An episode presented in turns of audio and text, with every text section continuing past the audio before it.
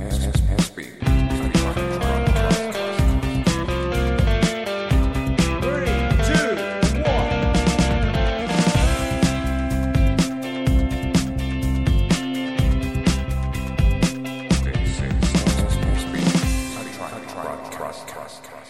selamat malam semua teman-teman. Terima kasih sudah menyempatkan uh, waktunya untuk mengikuti diskusi atau kelas Budasian pada malam hari ini. Senang sekali kita bisa bertemu kembali karena sudah cukup lama kita tidak berjumpa via virtual seperti ini ya. Tentunya Budasian akan selalu membahas sesuatu jadi lebih mudah, lebih gaul dan juga lebih asyik. Dan malam hari ini sangat menarik sekali. Kita akan membahas sesuatu yang menurut saya ini sangat intim ya. Tema besar kita malam ini adalah luka dan kebijaksanaan, mengolah kebijaksanaan dan daya keindahan anak-anak di dalam diri. Yang akan kita bahas bersama narasumber kita, Mbak Chin Hapsari Tomojoyo, tapi saya biasa memanggilnya Mbak Cindy, jadi uh, kita bisa sepakati aja ya kalau kita akan memanggil narasumber pada malam hari ini dengan sebutan Mbak Cindy. Seperti biasa sebelum kita mulai diskusi, saya akan menyampaikan sesuatu kepada teman-teman. Kami akan mematikan kamera dan juga suara teman-teman agar agar teman-teman bisa mengikuti diskusi ini dengan lebih santai jadi teman-teman bisa sambil menyeduh kopi atau teh, bisa sambil sesekali rebahan juga. Ya, Mbak Cindy ini adalah salah satu perempuan multitalenta yang pernah saya kenal. Beliau adalah seorang penulis. Salah satu buku yang sudah diterbitkan adalah Jiwa Islam Cina, Politik Jati Diri dalam Jawa Safar Cina, Sajadah saya kebetulan punya bukunya. Teman-teman bisa beli di toko-toko online kesenangan uh, kesayangan teman-teman kalau mau. Selain selain itu Mbak Sini juga menulis beberapa teks lakon dan juga puisi yang sempat diterbitkan dalam uh, buku antologi dari Dewan Kesenian Jakarta. Mbak Cindy juga salah satu ilustrator, ilustrator juga, desainer, dan sekarang dia sedang menekuni yoga sastra. Kita langsung panggil aja ya. Halo Mbak Cindy. Hai, selamat Hai Mbak, apa kabar? Alhamdulillah baik. Semoga sehat selalu ya. Dalam keadaan seperti ini kita harus tetap menjaga kesehatan. Hmm, sama-sama Udi. Iya. Hari ini kita uh, senang sekali bisa membahas sesuatu dengan Mbak Cindy. Kita membahas sesuatu dengan tema luka dan kebijaksanaan. Ini menurut saya tadi saya bilang suatu hal yang intim nih. Kita bisa bahas ini secara intim dan sangat senang ada kesempatan ini. Luka dan kebijaksanaan. Semua orang pasti punya luka ya Mbak ya. Punya luka yang yang luka itu bisa muncul dari masa lalu mereka dan dan tanpa sadar ketika mereka tumbuh dewasa masa lalu luka-luka dalam masa lalu itu menjadi suatu trauma yang yang memenuhi pikiran mereka. Dan itu jadi suatu hal yang yang berdampak ketika mereka memecahkan suatu masalah dalam hidupnya gitu. Dan ini hubungannya dengan kebijaksanaan. Bagaimana bagaimana manusia itu bisa menjadi bijaksana untuk untuk uh, memperlakukan masa lalunya yang penuh luka agar bisa menghadapi kehidupan sekarang ini ini sangat sangat menarik sekali nih apa yang mau kita bahas mbak Kayak kita punya waktu sekitar satu jam untuk membahas ini semua dan buat teman-teman nanti kalau ada pertanyaan, tenang saja. Pertanyaan bisa langsung diketik lewat chat dan nanti saya akan bacakan dan kita bisa bahas. Oke, kita langsung saja menuju ke Mbak Cindy. Silahkan nih Mbak membahas tentang luka dan kebijaksanaan nih. Hmm, Udi, maaf kita meditasi dulu mungkin ya? Atau bagaimana? Oke, boleh. Hmm, udah mungkin selamat malam Namo Adi Budaya, Om Swastiastu, Assalamualaikum, salam kebajikan buat kita semua. Ya, perkenalkan saya Sin dan malam ini saya akan jadi kawan bicara. Uh, seperti yang tadi udah dijelaskan, kita akan membahas soal inner child dan sebelumnya mungkin kita akan meditasi dulu sejenak uh, agar kita bisa lebih jernih ya dalam mengikuti proses ini. Saya izin untuk share screen dulu sejenak. Halo, Budi. Ya, kita selesai meditasinya ya. Iya, Mbak. Mm -mm. Menyegarkan sekali. Oke, baik kita mulai ya Udi ya. Iya. Jadi teman-teman gini, uh, pernah gak kita entah diri kita, entah orang-orang yang kita kenal gitu punya temperamen yang sangat pemarah gitu dan ini nih sampai sampai sulit dikendalikan gitu. Jadi ketika kita bicara dengan yang bersangkutan, yang bersangkutan bilang saya itu berusaha mengendalikan marah saya gitu, tapi nggak bisa, gagal gitu, susah gitu. Saya nggak bisa, saya bisanya marah gitu.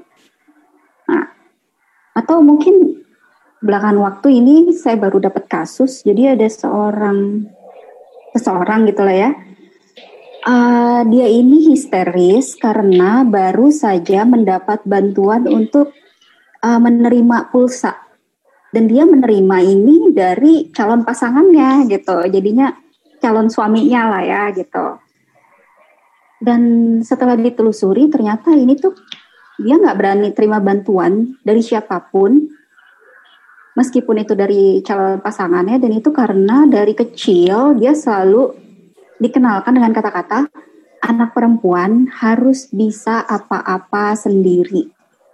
Tuh. Nah, atau mungkin kita pernah juga nih kenal dengan seseorang, lalu kita lihat kok dia nih orang kok gonta-ganti pasangan terus ya gitu. Kok dari sana ke sini ke situ gitu. Itu kan ada ya pola-pola seperti itu kayak apa sih yang dicari kayak Padahal yang kemarin tuh kayaknya keren loh, misalkan gitu. Oh apa ya gitu. Nah atau juga ada misalkan orang-orang yang mungkin kelihatannya sangat cerdas, uh, multi talenta gitu, tapi hidupnya seakan-akan nih datar, kayak tanpa pencapaian. Bukannya kita harus ada pencapaian ya, bukan soal itu, tapi kayak ini nggak ada goal gitu, dia nggak bisa setting goal gitu. Nah ternyata setelah ditelusuri gitu ya kalau macam kasus yang terakhir gitu ternyata ini dari kecil dia ini kehilangan masa kanak-kanaknya jadi terlalu banyak tugas yang harus dia emban sebagai anak kecil gitu. Jadi jatah mainnya itu hilang karena tuntutan pekerjaan di rumah gitu lah. Istilahnya dia harus bantu ini itu ini itu. Dan biasanya mungkin karena ekonomi atau ya sebab-sebab macam itu. Nah, banyak problem-problem yang kita alami di hari ini itu uh, berangkat dari sesuatu yang di dalam kita gitu. Sesuatu yang dia mengendap itu kan jadi lapisan mungkin apa jadi kerak-kerak gitu ya. Lalu di hari ini muncul dalam berbagai wujudnya gitu. Nah, itu orang sekilas akan bilang sebagai inner child gitu. Jadi kalau di masa lalu inner child itu kalau dari apa term psikologi Jungian uh, Jung dia ini dianggap sebagai kondisi kompleks di mana pola-pola emosi, harapan, ingatan itu dipersepsi di bawah sadar lalu itu semua tuh jalin menjalin gitu ya. Jadi dia kayak semacam sarang laba-laba tapi membelit diri. Alhasil si diri, si true self itu apa ya? nggak bisa utuh muncul. Jadi kita sebagai manusia gitu kita nggak bisa tampil all out sebagai diri kita. Jadi kayak kita punya entah punya batasan, entah dari mulai harus menjaga sikap, harus selalu tersenyum atau harus selalu berpakaian begini begitu. Jadi terlalu banyak aturan-aturan, terlalu banyak uh, kondisi-kondisi uh, yang kemudian membuat kita jadi semacam itu. Nah, sekilasnya uh, itu inner child gitu ya. Tapi pada perkembangannya kemudian uh, di hari ini inner child itu pembahasannya udah mulai terpecah-pecah gitu. Jadi ada inner child, lalu ada outer child, lalu ada wounded child gitu. Nah, kalau kita pakai uh, acuan si outer child, outer child ini sebenarnya apa ya bagian dari diri kita gitu dari sosok inner child ini yang uh, perilakunya itu destruktif merugikan kita gitu jadi kayak kita selfish, kita gampang marah, terus bisa jadi kita hobi dengan penundaan, edik dengan makanan, belanja, main game gitu. Nah itu bentuk-bentuk outer child gitu. Dan outer child ini terbentuk karena si wounded child. Jadi kanak-kanak di dalam yang terluka. Jadi kalau uh, dari kita di awal tadi perspektifnya Jung bergeser jadi terpecah menjadi tiga bagian. Nah, terakhir ini si uh, wounded ini dia ini semacam apa ya? Kanak-kanak yang dia terperangkap dalam satu ruang waktu tertentu, dia nggak bisa mengungkapkan dirinya, lalu dia tuh juga mengalami kelumpuhan untuk mengendalikan tindakan tertentu dan dia sampai punya uh, pola-pola uh, perulangan gitu ya. Jadi mengalami hal itu lagi, mengalami itu lagi, dan yang pasti kalau wounded child ini dia membutuhkan perhatian, membutuhkan pengakuan, dan kesadaran yang pasti untuk diintegrasikan kembali itu. Nah, kalau sampai di sini kira-kira uh, paham ya antara perbedaan inner child, lalu outer child dan wounded child. Uh, kita mau mungkin teman-teman ada yang langsung ingin ditanyakan atau mungkin nanti saja, Budi? Nanti bisa kita gabungkan pada sesi tanya jawab ya, Mbak. Oh, oke. Okay. Ya. Jadi uh, ini untuk menegaskan aja, kalau inner child itu jadi ini bagian dari diri kita yang dia rentan, lalu tetapi juga uh, memiliki perasaan dan kepekaan yang dalam, punya rasa penasaran yang besar, kreatif dan menyenangkan, lalu juga mendambakan cinta, pengakuan, dan validasi. Dia juga menginginkan koneksi dan yang pasti rasa aman ya gitu. Dan inner child ini berpikiran terbuka, lalu dia juga total dalam ekspresi, baik itu mau marah, sedih, mau gembira, itu.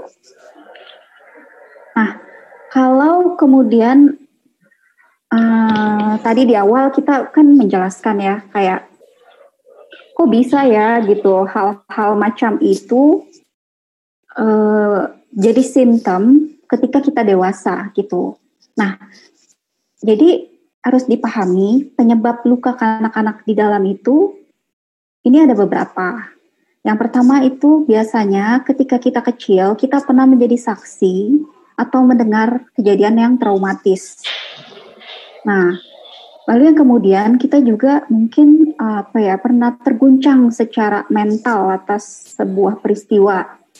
Terus juga mungkin nih uh, patah hati sebab uh, sikap dari orang yang dipercaya. Jadi ini bukan soal patah hati cinta aja, tapi mungkin misalkan melihat orang tuanya tuh sikapnya nggak seperti yang kita inginkan waktu kita kecil ya tentunya gitu. Lalu itu membekas tanpa kita sadar gitu.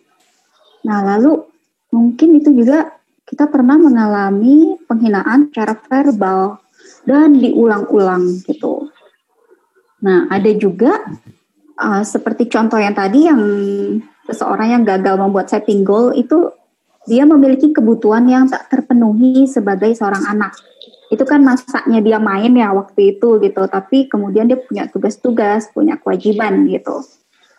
Nah ada penyebab lain uh, dan ini berasal dari warisan kondisi antar generasi gitu. Jadi ini dari leluhur gitu. Dan mungkin di atasnya lagi. Jadi genetik ya bukan genetiknya tapi alurnya gitu energi yang disimpan di transgenerasi itu. Nah, ada juga uh, lukanya ini berangkat dari kondisi di masa janin. Itu juga mungkin gitu karena hubungan ibu dan uh, janin itu uh, sinkronitasnya tinggi gitu. Jadi apa yang dirasakan ibu akan punya efek besar kepada perilaku anak.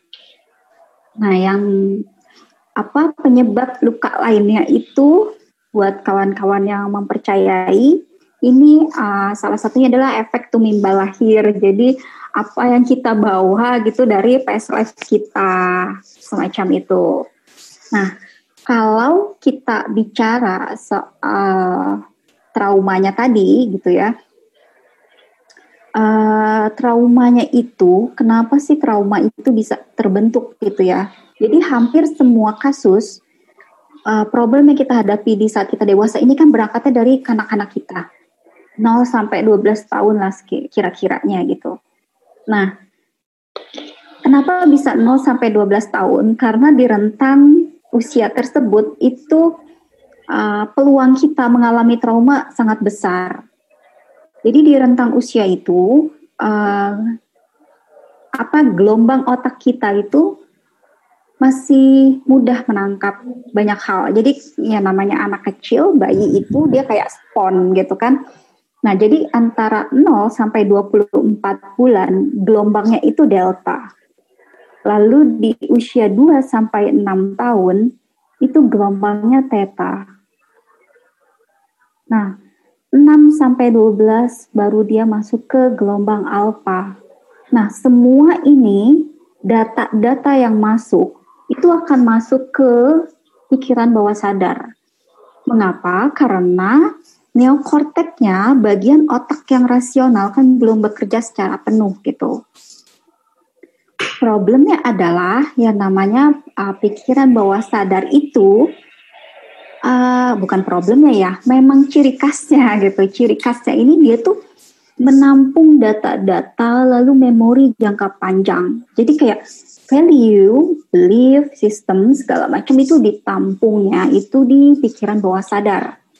Dan ini memang uh, bukan permanen tapi kalau rumah apa ya pondasi gitu ya pondasi. Makanya ketika kita punya problem sering kali misalkan seperti uh, hipnoterapi itu mainnya di bawah sadar. Jadi kita mencoba melihat akar-akar masalahnya uh, kita berusaha apa ya menciptakan uh, cerita baru yang mendukung pertumbuhan kita gitu. Karena kalau tidak dikoreksi ya kita akan terus-terusan mengalami pola-pola yang sama uh, sangat sulit bertumbuh dan ya trauma itu apa ya akan terus mencekam gitu. Dan kenapa kita jadi sulit bertumbuh? Karena uh, memori traumatik itu berbeda dengan memori normal. Jadi memori traumatik itu dia apa ya istilahnya melepaskan diri gitu kan ketika kita traumatik itu intens banget emosinya gitu. Nah, jadi dia melepaskan diri dari memori normal. Kalau memori normal ini dia nih lebih gampang diakses. Lalu bersifat sosial, lentur gitu. Nah, sementara kalau si traumatik ini uh, apa ya? Dia ini memang kehilangan kemampuan untuk mengintegrasikan diri dengan pengalaman-pengalaman baru. Makanya dia fix gitu. Jadi memang sangat sulit bertumbuh gitu. Nah, ini akan menjadi PR yang lebih berat gitu ketika traumatiknya itu juga uh, terhubung dengan sesuatu yang sangat intens apalagi masif gitu. Contohnya misalkan keluarga kita korban perang atau misalkan pernah mengalami guncangan alam. Lalu berasal dari keluarga imigran. Terus misalkan juga di dalam silsilah kita di leluhur gitu pernah ada yang bunuh diri. Atau kemudian pernah juga apa ya keluarga besar gitu menyimpan rahasia yang ditutup rapat gitu. Atau juga misalkan mungkin kita menjadi anak angkat gitu. Nah ini emosi-emosinya intens gitu. Nah emosi itu lekat pada diri kita gitu kan. Dia jadi energi yang aktif sekali gitu. Nah kembali ke soal bagaimana sih tadi soal trauma itu kok bisa uh, masuk ya gitu kan. Tadi kita udah bicara soal gelombang otaknya gitu ketika usia 0 sampai 12 tahun. Nah, informasi yang masuk ke dalam uh, anak-anak uh, saat kita usia 0 sampai 12 tahun itu itu lewat lima jalur gitu masuk ke bawah sadar. Yang pertama itu dilakukan oleh otoritas. Jadi informasinya ini misalkan dari figur otoritas seperti orang tua, guru, lalu orang-orang yang kita hormatin gitu. Lalu di sana emosi kita intens gitu. Intens itu macam apa ya? Karena begini, kalau misalkan kita nih nonton film, kita baca buku, lalu juga bahkan ketika kita bercinta gitu ya buat yang sudah berkeluarga ini gitu, itu kan kita fokus ya, fokus pada satu titik gitu. Nah sebenarnya di saat itu kita tuh udah masuk ke uh, gelombang alfa, kita udah nggak beta lagi. Artinya itu udah masuk kondisi hipno. Nah di situlah emosi itu intens gitu. Nah selain itu tadi lima jalurnya itu masuk lewat repetisi. Jadi diulang-ulang. Misalkan ya, contohnya ibu takut sama kecoa itu kan? Mungkin pertama kali ketika dengar anaknya apa sih? Anak kecil pasti nggak tahu kan kecoa itu apa gitu kan? Dia nggak tahu dia netral gitu. Dia belum membangun makna gitu. Nah setelah itu itu baru pertama kedua kecoanya terbang pada satu saat gitu dan kemudian ibunya menjerit anaknya melihat oh ternyata kecoa itu begitu menakutkan ya gitu. Dan ada berapa kejadian lagi gitu kan yang semacam itu. Akhirnya apa? Setelah besar lalu dia anti banget sama kecoa. Bukan kecoa pun ketika tiba-tiba ada apa ya, misalkan sesuatu yang lewat hmm, gitu depannya dia akan misalkan uh, menarik diri gitu atau enggak histeris atau apa pun kan kan dia pikir itu kecoa gitu padahal mungkin tawon yang lewat gitu kan, bukan kecoa terbang gitu. Nah, selain itu uh, jalur informasi untuk masuk ke pikiran bawah sadar itu lewat identifikasi kelompok gitu. Jadi kalau kita misalkan ada di sebuah kelompok dan di situ pasti ada ketuanya gitu kan, dan biasanya dia adalah bagian dari figur otoritas dan kita hormati lalu pesannya kemudian direpetisi melulu gitu dan jadilah itu sebuah kebenaran. Mau itu benar atau salah itu udah apa ya dicoret itu ya kita tahu itu benar gitu kan karena sudah diyakini oleh sekelompok orang gitu nah yang terakhir itu yang apa ketika kita rileks gitu ya saat kita tubuhnya tidak dalam uh, ketika para simpatik kita aktif, nah kita masuklah itu juga mudah disisipi pesan-pesan yang sifatnya hipnotik. Jadi semua informasi di usia 0 sampai 12 tahun itu pasti hipnotik. Karena akan langsung meresap karena di saat usia itu critical factor kita yang membatasi ruang antara pikiran sadar dan pikiran tidak sadar masih belum aktif. Itu. Nah, lalu uh, pertanyaannya kemudian gimana sih kalau luka kanak-kanak kita ini terabaikan, apa efeknya buat kita gitu? Nah, nomor satu pasti kita akan mengalami pola-pola yang sama nih.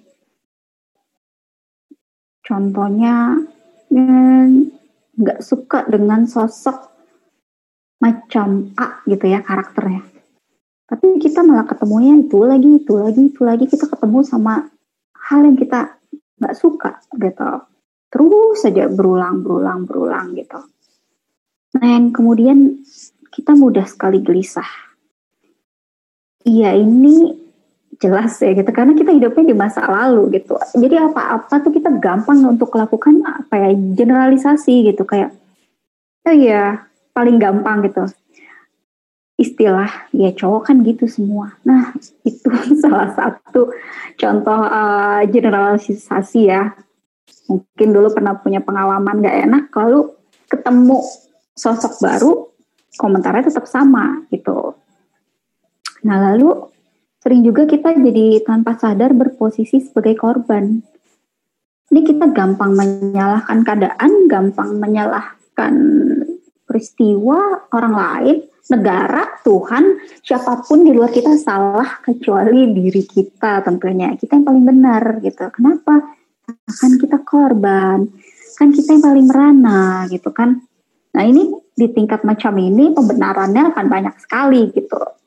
Jadi kalau mungkin kawan-kawan biasa melakukan pembenaran, coba langsung cek nanti ya gitu. Nah lalu kita juga akan mudah kehilangan atau menyalahartikan konsep harga diri.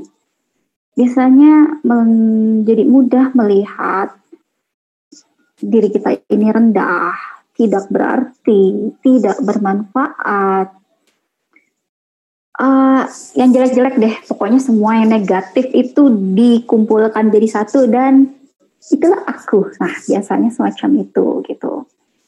Nah, kemudian luka ini kalau diabaikan juga akan apa ya memunculkan tindakan sabotase atas keinginan untuk bertumbuh dan menghalangi pencapaian gitu.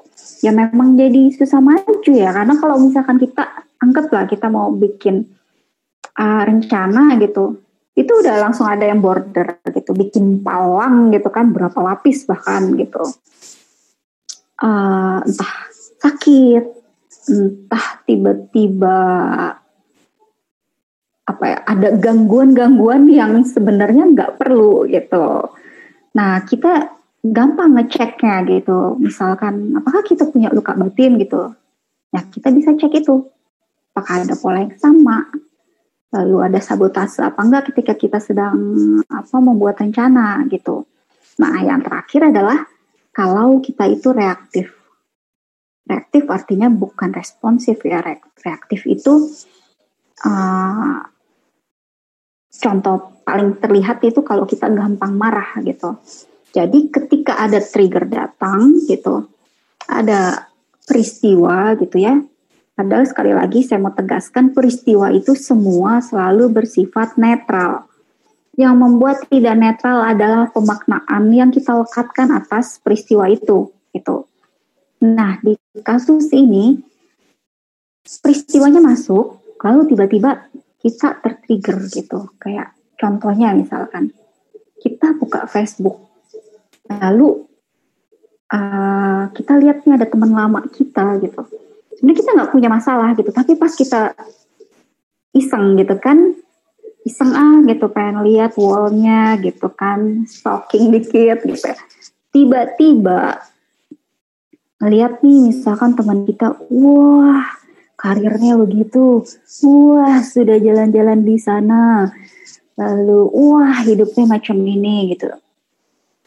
Ada pembandingan-pembandingan, tapi yang paling penting adalah itu pas kita melihat misalkan satu foto aja gitu, itu ada reaksi di tubuh kita, entah kayak apa ya, mungkin macam kita tercekat gitu atau tiba-tiba kayak ter gitu kan darahnya tuh kayak menegang gitu kan atau bahkan tiba-tiba untuk kasus yang lebih berat perut gitu kan bergejolak gitu.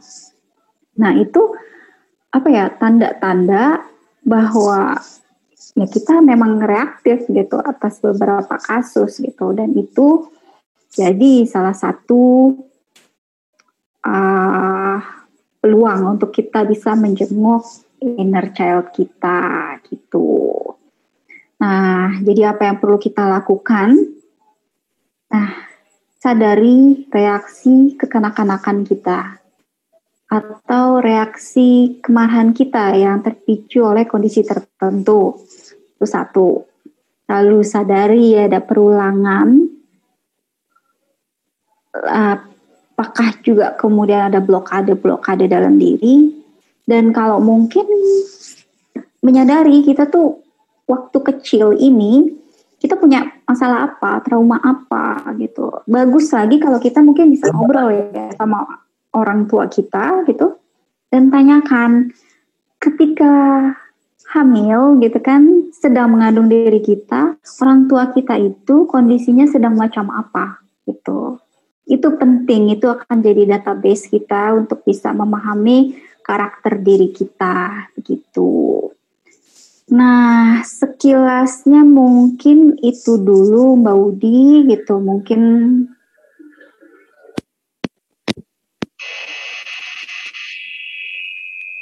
kira-kiranya Iya. Bagaimana? Cukup jelas dan lengkap yang disampaikan sama Mbak Cindy tadi. Jadi ada ada faktor-faktor kenapa trauma itu bisa terbentuk. Dari dan itu juga ada hubungannya dengan setiap setiap usia kita itu ternyata uh, menyerap informasi in, cara menyerap informasinya itu berbeda-beda dan itu bisa membentuk trauma-trauma yang bisa kita bawa sampai sekarang. Dan ada efek-efeknya juga.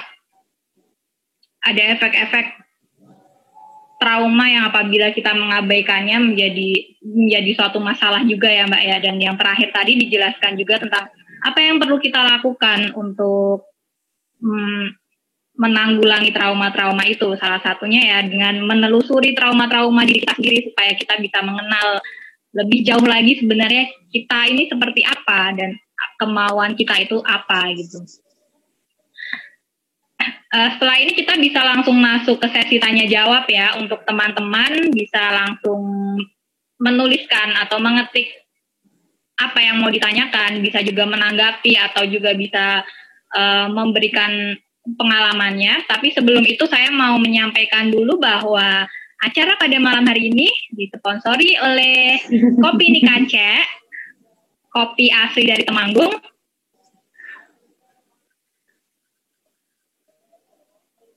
Nanti teman-teman kalau ingin kopinya bisa langsung ke Instagramnya etnik etnikace.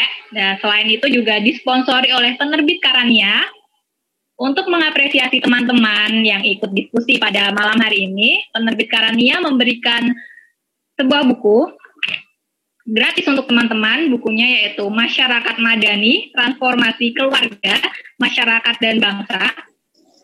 Cara mendapatkannya mudah, teman-teman tinggal mengirimkan nama lengkap dan alamat lengkap ke nomor registrasi Budasin. Nomornya saya sebutkan 0887 1662 332. Saya ulangi lagi 0887 1662 332. Dan free ongkir ya. Nanti kalau bukunya sudah sampai ke teman-teman bisa diposting di sosial medianya teman-teman dan jangan lupa tag at Budasin dan at penerbit Karania. Oke, terima kasih. Sekarang uh, langsung langsung ada pertanyaan.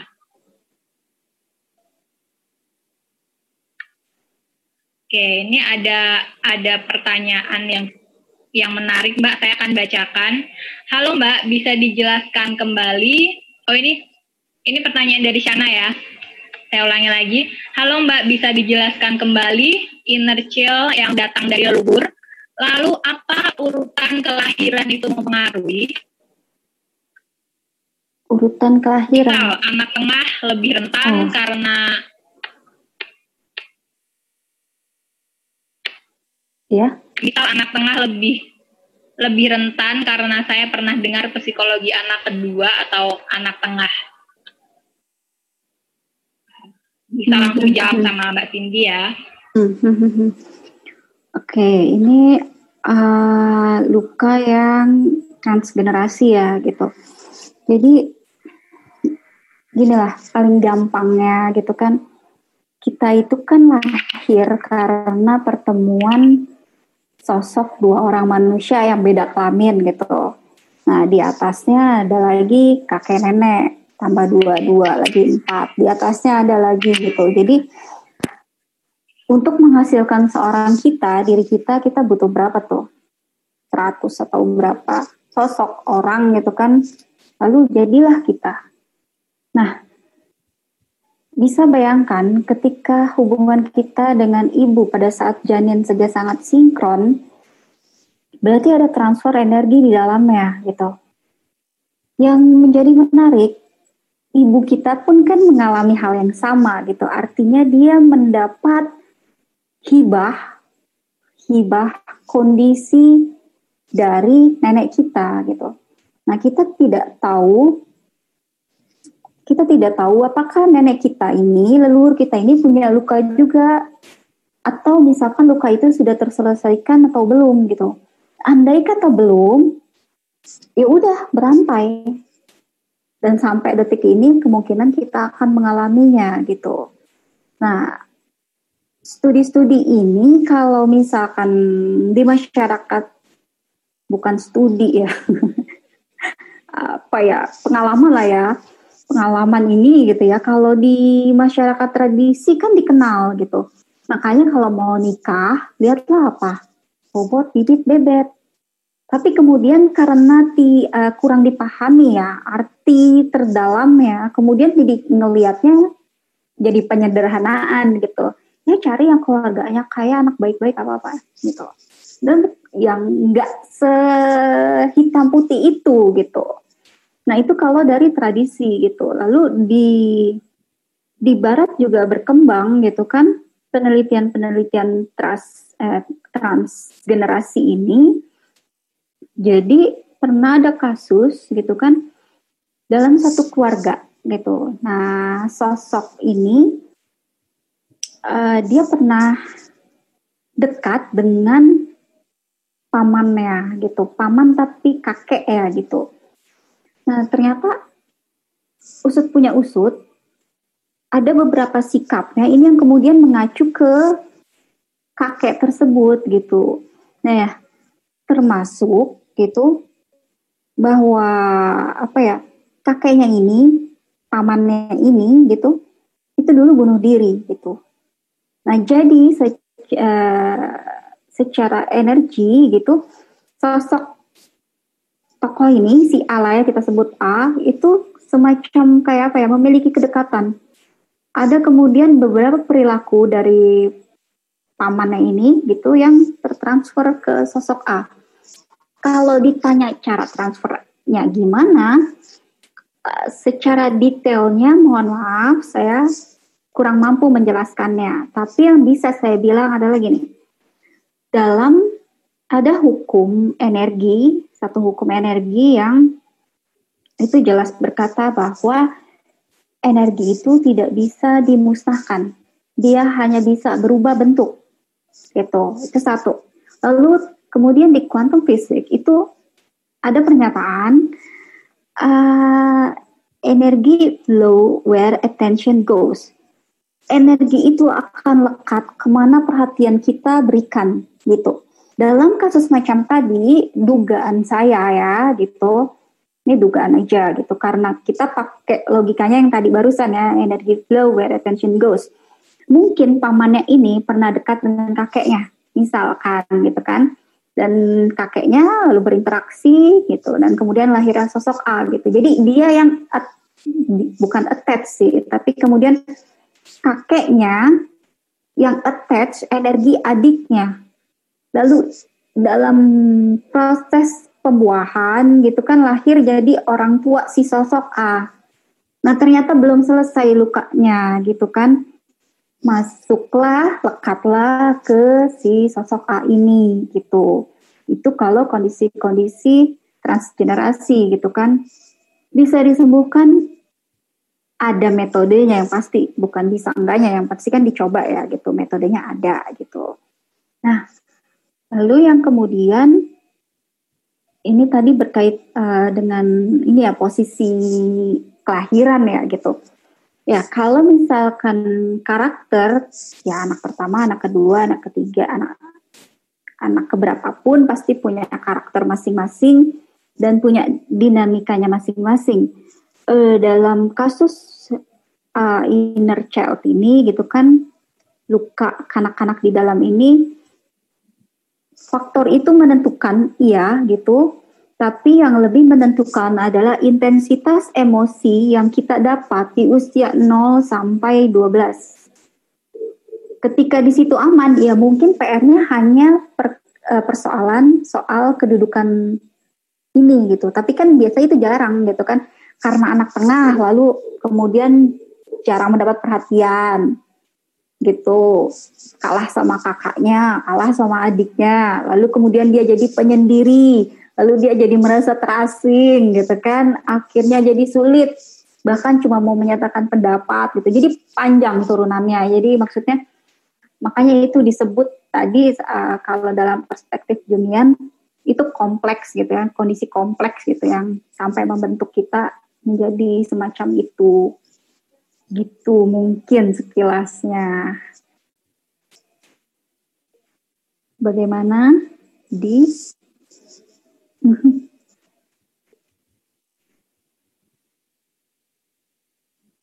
Saya kok tidak dapat mendengar suaramu ya Udia. nah sekarang gimana? Bisa mendengar ya? Oh iya.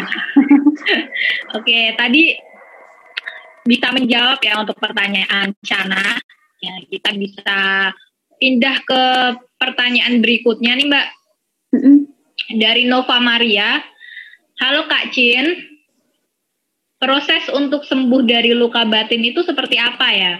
Misalnya, sebagai seorang anak perempuan yang lahir tanpa seorang ayah, ditinggalkan saat masih dalam kandungan, sudah berusaha untuk menerima itu semua, memaafkan, tapi tetap saja sampai sekarang luka itu masih tetap ada. Silakan Mbak Mbak Sin untuk membantu hmm. menjawab ini. Ya. Jadi gini, uh, kita nggak pakai istilah wounded child lah ya, kita pakai istilah inner child aja ya buat anak-anak yang terluka ini ya biar nggak biar nggak repot, biar nggak bingung gitu ya. ya inner child ini yang pasti proses panjang. Mau ada metode yang uh, apa ya canggih pun gitu mungkin akan butuh berapa kali proses. Bahkan hipno kalau andai kata kita gunakan metode itu itu kemungkinan besar nggak bisa sekali datang beres gitu. Ya andai kata bisa itu berkahnya lah ber, karma baik kalau menurutku gitu. Nah, andai kita kita mau melakukan self healing artinya tidak datang ke terapis gitu, tidak datang ke hipnoterapis gitu. Terima dulu kalau ini tuh bukan apa bukan tongkat ajaib gitu kan proses ini gitu sehari selesai besok beres kita bisa ketawa-tawa enggak ini prosesnya panjang gitu tapi buatku tadi dengar ceritanya aku sih sudah sangat bersyukur gitu karena di awal sudah dinyatakan sudah diterima gitu kan. Udah tahu gitu oh kondisinya semacam ini gitu. Bisa menerima aja buatku itu berkah karena itu nggak mudah gitu. Karena banyak orang misalkan berusaha menerima misalkan kayak gini. Saya ingin uh, bersikap baik sama si A gitu. Dan karena dia anggota keluarga saya gitu kan, ya sudah sepatutnya lah saya bersikap semacam itu gitu. Tapi susah gitu. Baru dengar suaranya atau baru dengar komennya misalkan di WA atau misalkan tiba-tiba si A ini telepon gitu. Itu udah bisa naik emosi gitu kan. Udah sepaneng aja bawaannya kayak gitu. Ya ada gitu ketika kesadaran itu datang itu kita cuma bisa nangis gitu kan kayak kenapa ya? Aku tuh pengen baik-baik aja gitu sama A aku pengen bersikap uh, menyayangi dia gitu. Tapi kok sulit ya? Masalahnya tuh di mana gitu. Lalu dia coba telusurin gitu sampai misalkan semacam bikin mind mapping gitu ya kalau bisa. Apa sih kira-kira masalahnya? Lalu dibikin oh waktu itu dia bikin apa dia perlakukan saya macam ini. Ditulis semua gitu kan.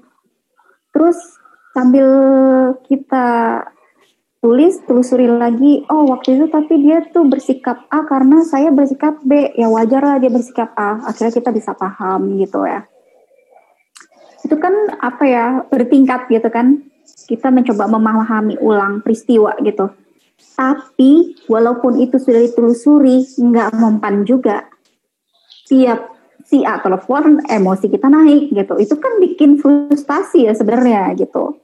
Nah dalam kasus semacam itu, saya cuma bisa bilang, yakinlah pada ketekunan.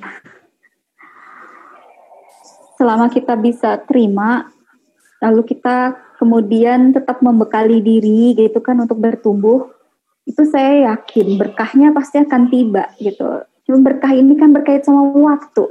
Siapa yang bisa nentuin sebuah buah matangnya kapan gitu, kecuali di karbit gitu. Tapi kan kalau di karbit ya prosesnya mak tahu sendiri lah pasti ada konsekuensi logisnya gitu nah itu yang pertama gitu nah yang kedua adalah uh, saya mau bilang ini ada beberapa step yang mungkin bisa dicoba untuk bagaimana kita mengasuh anak-anak di dalam diri gitu kan nah yang pertama memang dikenali dan diterima gitu persis kayak tadi nih gitu kan uh, diterima.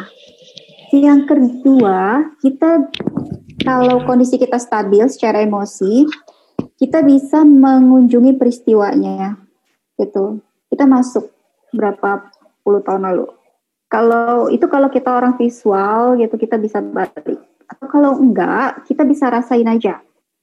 Atau mungkin kalau yang auditori kita dengar suaranya waktu kecil oh suara saya waktu itu macam itu oh ketawa saya macam itu gitu kunjungi peristiwanya baik yang menyenangkan ataupun yang menyedihkan gitu atau ketika fenomena eh, kondisinya itu kita misalnya nggak tahu detail nggak apa-apa niatkan aja kembali di ke sana itu akan muncul dengan sendirinya perasaan-perasaan dia kelihatannya mungkin abstrak, tapi uh, diriku percaya itu bagian dari proses penyembuhan. Enggak semua harus jelas gitu, dan itu enggak masalah sama sekali gitu. Yang penting kita kunjungi gitu kan, kunjungi peristiwanya. Yang ketiga, bangun dialog dengan inner child. Jadi kita panggil sosok anak-anak kita, dan yang pasti di situasi itu beri jaminan kepastian kalau dia aman bersama kita. Gitu. Itu penting karena biasanya kanak-kanak ini entah dia ketakutan, dia bisa meringkuk di sudut ruang, dia bisa menangis, dia bisa juga acuh, dia bisa juga melempar kita dengan sesuatu gitu kan yang ekstrim gitu karena mungkin dia merasa ditolak, tidak diperhatikan atau apa pun gitu. Jadi penting untuk memastikan keamanan uh, kasih tahu dia aman bersama kita, dia aman ada di ruangan ini, nggak ada yang akan menyakiti dia gitu. Kalau mungkin misalkan anak-anak kita ini punya pengalaman dibully mungkin entah oleh anggota keluarga ataupun teman gitu. Yang keempat adalah identifikasi dan dengar kebutuhannya. Jadi kita perhatikan gitu, oke okay, ini inner child yang marah, dia tuh kayak gini gitu. Saya bikin catatan lah journaling itu jadi perlu di proses ini gitu. Atau oh ini dia yang kecewa lantaran ini gitu. Kita bisa tulis. Lalu dengar kebutuhannya iya cari tahu dia ini maunya apa gitu. Mau diajak main mau digandeng mau dipeluk mau dijajanin coklat apa? Kue pengen baju ini princess gitu kan. Ada loh kasus gitu mungkin kecilnya ini kan uh, ya kondisi ekonomi kurang memungkinkan dan ternyata ngelihat teman-temannya kok pada pakai baju princess ya gitu. Dia belum pernah merasa diperempuankan gitu kan. Nah, salah satu salah satu hal uh, diperempuankan itu misalkan dengan menggunakan gaun gitu kan wujudnya gitu. Nah, yang berikutnya adalah rekonsiliasi. Rekonsiliasinya ini adalah saling memaafkan. Jadi inner child kita bisa maafkan kita, kita juga minta maaf gitu kan. Karena apa? Ya karena kita mengabaikan gitu ya berapa puluh tahun kita ngebiarin si anak-anak dalam diri kita ini diem aja gitu sendiri gitu kan. Nah, yang kedua kita bisa buat surat perdamaian atau enggak ini surat perjanjian gitu ya. Tapi ini harus bersifat ekologis, artinya enggak nyusahin kita gitu. Misalkan dia ngajak oh makan di restoran A, menunya BCD gitu kan yang kalau dihitung hanya habis berapa juta gitu kan gitu. Ya keinginan-keinginan itu artinya boleh dijanjikan tapi dan harus ditepati. Tapi dengan catatan kasih tahu dia juga nih gitu loh. Kasih tahu kita bisa melakukan ini ketika misalkan ya nanti habis gajian atau nanti kalau dapat jackpot gitu ya apa pun lah ya. Tapi ketika masanya itu datang ya ditepati gitu. Yang pasti uh, dia bisa diajak ngobrol gitu ya. Nah yang terakhirnya adalah bangun pemaknaan baru.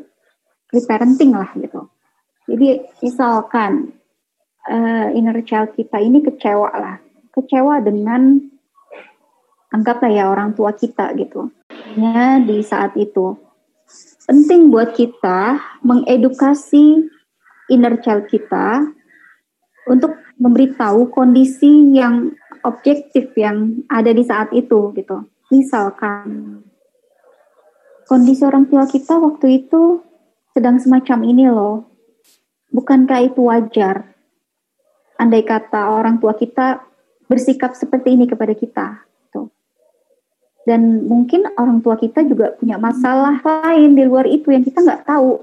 Dan itu sangat membuat frustasi orang tua kita, tapi waktu itu kita juga nggak tahu apa-apa kok gitu kan kita baru tahunya sekarang gitu. Tapi inilah yang terjadi di saat itu.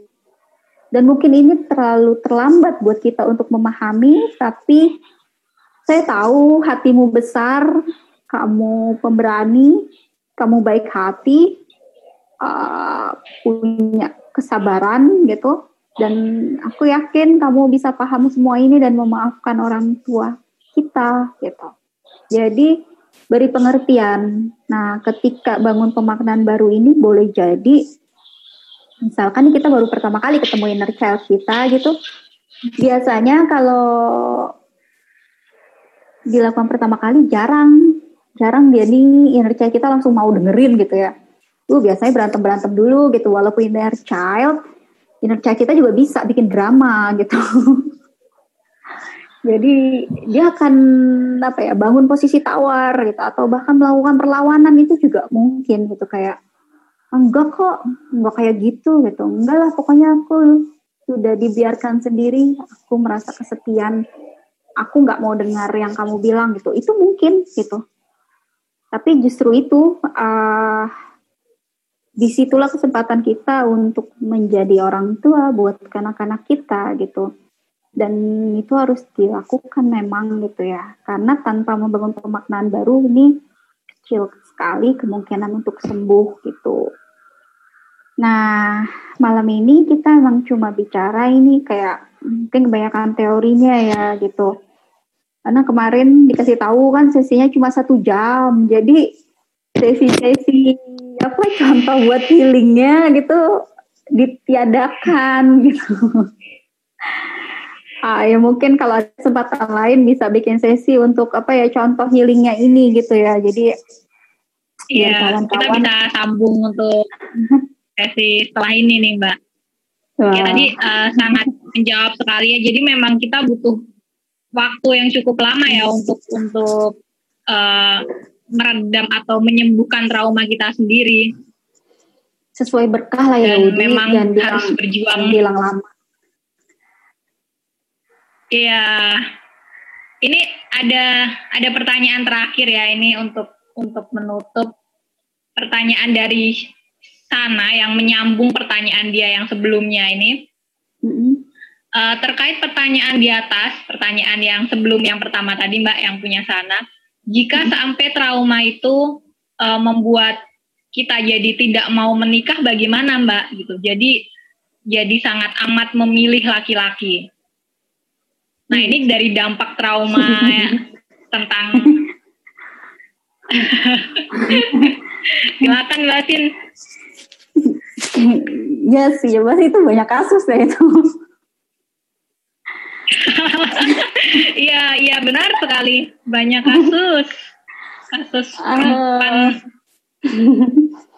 Iya sih, karena contoh-contoh yang pernikahan yang harmonis itu andai kata minim, kalau ada pun jarang ke blow up gitu. Dan drama-drama di TV itu juga nggak ada kan ceritanya harmonis gitu kan. Drama dulu isinya gitu kan, yang susah-susah lah gitu. Gini, oh ini ada hal penting. Ada hal penting ini kayaknya patut aku sampaikan dulu Nanti ingetin aku ya Udi kalau misalnya aku lupa ngejawabnya. Tapi ini penting banget. Jadi gini, ketika kita kesakitan, ya. ketika kita masuk ke ruang yang kita sebut derita, sebenarnya itu kan wajar ya, karena kita hidup di alam samsara gitu kan. Itu kan udah jelas. Jadi kalau kita mengalami penderitaan ya wajar lah orang kita ada di alam ini kok gitu. Nah cuma jangan sampai masalah-masalah yang kita hadapi, hal yang nggak enak, itu uh, jadi open loop gitu. Jadi kalau di uh, ilmu pemberdayaan diri kita kenal ada open loop sama closed loop gitu. Open loop itu adalah semua masalah-masalah yang belum selesai, jadi dia ngebuka terus gitu. Dia nggak pernah nutup. Kalau gini closing udah kelar gitu kan kayak oke okay, gitu kan selesai nih gitu. Nah, salah satu cara buat menjaga agar kita nggak open loop itu adalah jangan membangun pertanyaan ketika kita menderita. Contohnya, hmm, ini ini kebiasaan paling sering. Kita lagi nggak enak badan gitu. Terus kita bilang, kita pasti nanya gini, kenapa ya? Kok badanku nggak enak ya? Apalagi nih masa-masa kayak gini kan ada gejala dikit kita panik gitu kan? Atau mungkin misal kita sering bukan sering sorry kok kita seseorang ya seseorang pernah dikhianati satu kali aja sebenarnya dalam hidupnya tapi kemudian dalam diri dia lalu ngomong kenapa ya aku kok sering banget ya ngalamin kayak gini kenapa ya hidupku kayak gini sih sama aku gitu atau kok orang-orang tuh kok brengsek banget sih gitu atau apa pun itu Kenapa jangan bikin pertanyaan? Karena bawah sadar kita, balik lagi ke depan tadi ya ke ya, pembahasan pikiran bawah sadar. Bawah sadar kita itu punya ciri-ciri. Satu, dia itu kayak anak kecil usia 8 tahun. Dia nggak bisa disuruh. Lihat dia anak 8 tahun kalau disuruh kan pasti kesel dia kan gitu. Nggak mau, nolak-nolak gitu. Nah, PBS kita tuh kayak gitu juga PBS kita gitu. Kalau disuruh dia pasti akan enggak ah gitu. Contoh paling gampang orang sering kali bikin setting, saya kayak raya, saya kayak raya, saya kayak raya. Kan disuruhnya begitu kan, buat masuk ke bawah sadar. Tapi kan bawah sadar kita kan pinter, selain belum punya pengalaman kaya, yang kedua, terus dia ngebantah. Mau kaya dari mana? Lo jangan pernah kerja, emang kerjaan lo apa? Emang gaji lo berapa? Emang usaha lo apa? Ada banyak banget jagoan dia dibanding kita nih ya versi sadar kita gitu akhirnya dia ngedumel sendiri gitu si bawah sadar ini gitu itu emang ciri-cirinya bawah sadar. Nah satu lagi karena dia nggak bisa diperintah makanya kalau kita mau bicara soal bawah sadar itu caranya adalah dengan pertanyaan. Kalau dikasih pertanyaan dia akan menjawab. Nah kalau kita pertanyaannya begini kenapa ya orang-orang kok jahat ya sama aku? Semua orang tuh kayak gitu sama aku misalkan. Atau kok hidup kok kayak gini ya? Ah, gitu. Kok nyusahin banget ya gitu. Ketika kita tanpa sadar bertanya itu itu kan masuk nembus ke critical faktor kita deep. Itu dijawab lah sama si bawah sadar. Caranya gimana? Dia menghadirkan hal-hal itu. Dia munculin orang-orang yang gak menyenangkan itu. Dia munculin peristiwa-peristiwa yang kita nggak sukain. Kenapa? Karena si bawah sadar ini pengen kasih tahu kita gitu. Jadi kayak jangan ke sana loh, itu ada orang yang kamu nggak suka. Jangan ke situ loh, orang yang nggak suka kamu itu ada di situ gitu. Jadi dibunculin sama dia malah berserak. Yang ada apa? Orang yang kita nggak suka karakternya malah mengelilingi hidup kita. Nah kemunculannya itu dari situ. Jadi ya kita menurutku yang perlu tahu nih gitu logika pikirnya si bawah sadar macam apa gitu. Nah jadi sekali lagi jangan pernah menanyakan hal-hal yang susah, yang baunya penderitaan, yang negatif karena itu akan jadi pola di bawah sadar untuk mewujud gitu. Kalau mau tanya, tanya yang enak-enak aja. Kenapa? Ya itu yang akan dimunculkan sama bawah sadar. Kuncinya cuma itu, gitu kan. Nah, balik ke pertanyaan tadi, ya aku ingat, syukurlah gitu kan. Ya, itu udah menurutku ketika kita tahu kita takut untuk menikah, itu udah syukur gitu kan. Itu harus dirayakan ketakutannya. Jadi every symptom is a solution. Semua simptom itu bukan cuma simptomnya aja, isinya juga solusi. Makanya luka itu ya sejalan sama kebijaksanaan. Dia dan, dia bukan atau, bukan bukan kayak koin yang dilempar lalu jatuh di A atau B. Enggak, ini tuh dan akur pada titiknya nanti gitu ya. Kita berjalan prosesnya kayak gitu.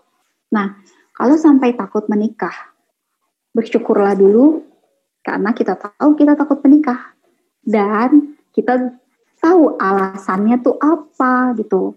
Nah kalau belum tahu, ya mari kita cari tahu. Bikin kayak tadi lah, yang paling sederhana menurutku main mapping. Telusurin mundur. Siapa orang di sekeliling kita yang intens sama kita, yang dekat sama kita ya gitu. Uh, apa figur otoritas siapa gitu yang pengaruhnya besar ke kita hidupnya oke okay nggak nih? Kalau misalkan orang tua kita harmonis enggak, tapi cerai enggak, nah itu udah PR juga memang. Atau jangan-jangan tante kita nih, yang kita dari kecil biasa sama dia, ternyata bercerai. Nah itu kan bisa dikenalin ya dari titik-titik itu. Jadi kalau itu sudah ketemu, lalu lakukan langkah-langkah yang tadi. Kita panggil inner child kita, ajak dialog, kasih kepastian. Karena kita kita udah dapat bekal gitu loh. Kita udah tahu alasannya kenapa ada trauma itu gitu, kenapa itu muncul gitu.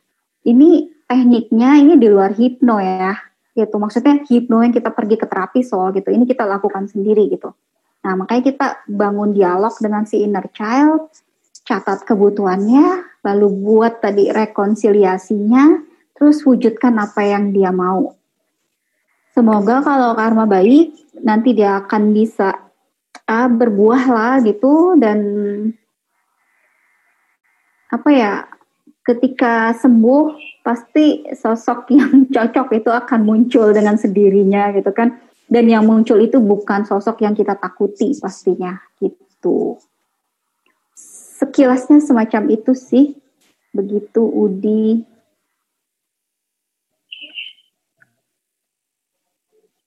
Saya menggarisbawahi suatu pernyataan Mbak tadi yang menarik banget bahwa jangan membangun kepercayaan bahwa kita ini menderita. Itu sangat sangat menarik sekali. Ya tapi uh, obrolan yang menarik ini sayangnya harus kita akhiri ya Mbak ya karena kita tidak punya waktu yang panjang tapi tenang saja minggu depan di hari Rabu di jam yang sama jam 8 malam kita akan melanjutkan kembali kelas ini. Oh, bersambung kah? Nanti dengan dengan tema yang masih menyambung dengan tema hari ini ya. Kita minggu depan bisa coba praktek kali ya. Kita gitu. selesaikan. Oh iya benar, benar. Kita hmm. bisa bisa praktekin juga ya Mbak ya. Apa yang sudah kita bicarakan hari ini besok bisa bisa kita praktekin juga. Mm-hmm. Oke, sebelum kita tutup, saya akan mengingatkan kembali bahwa semua teman-teman yang ikut diskusi malam hari ini akan mendapatkan satu buku dari penerbit Karania, bukunya berjudul Masyarakat Madani, transformasi keluarga, masyarakat, dan bangsa. Cara mendapatkannya tinggal kirim nama lengkap dan alamat lengkap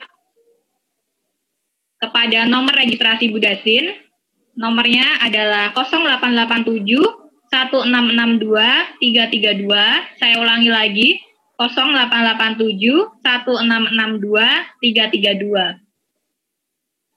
Oke, dan jangan lupa juga besok masih ada kelas Budasin yang akan membahas tentang desa Huma Berhati bersama Pak Singgih S. Kartono di jam yang sama, jam 8 malam. Jadi teman-teman yang yang ingin atau tertarik membahas tentang desa, kita bisa obrolin besok malam.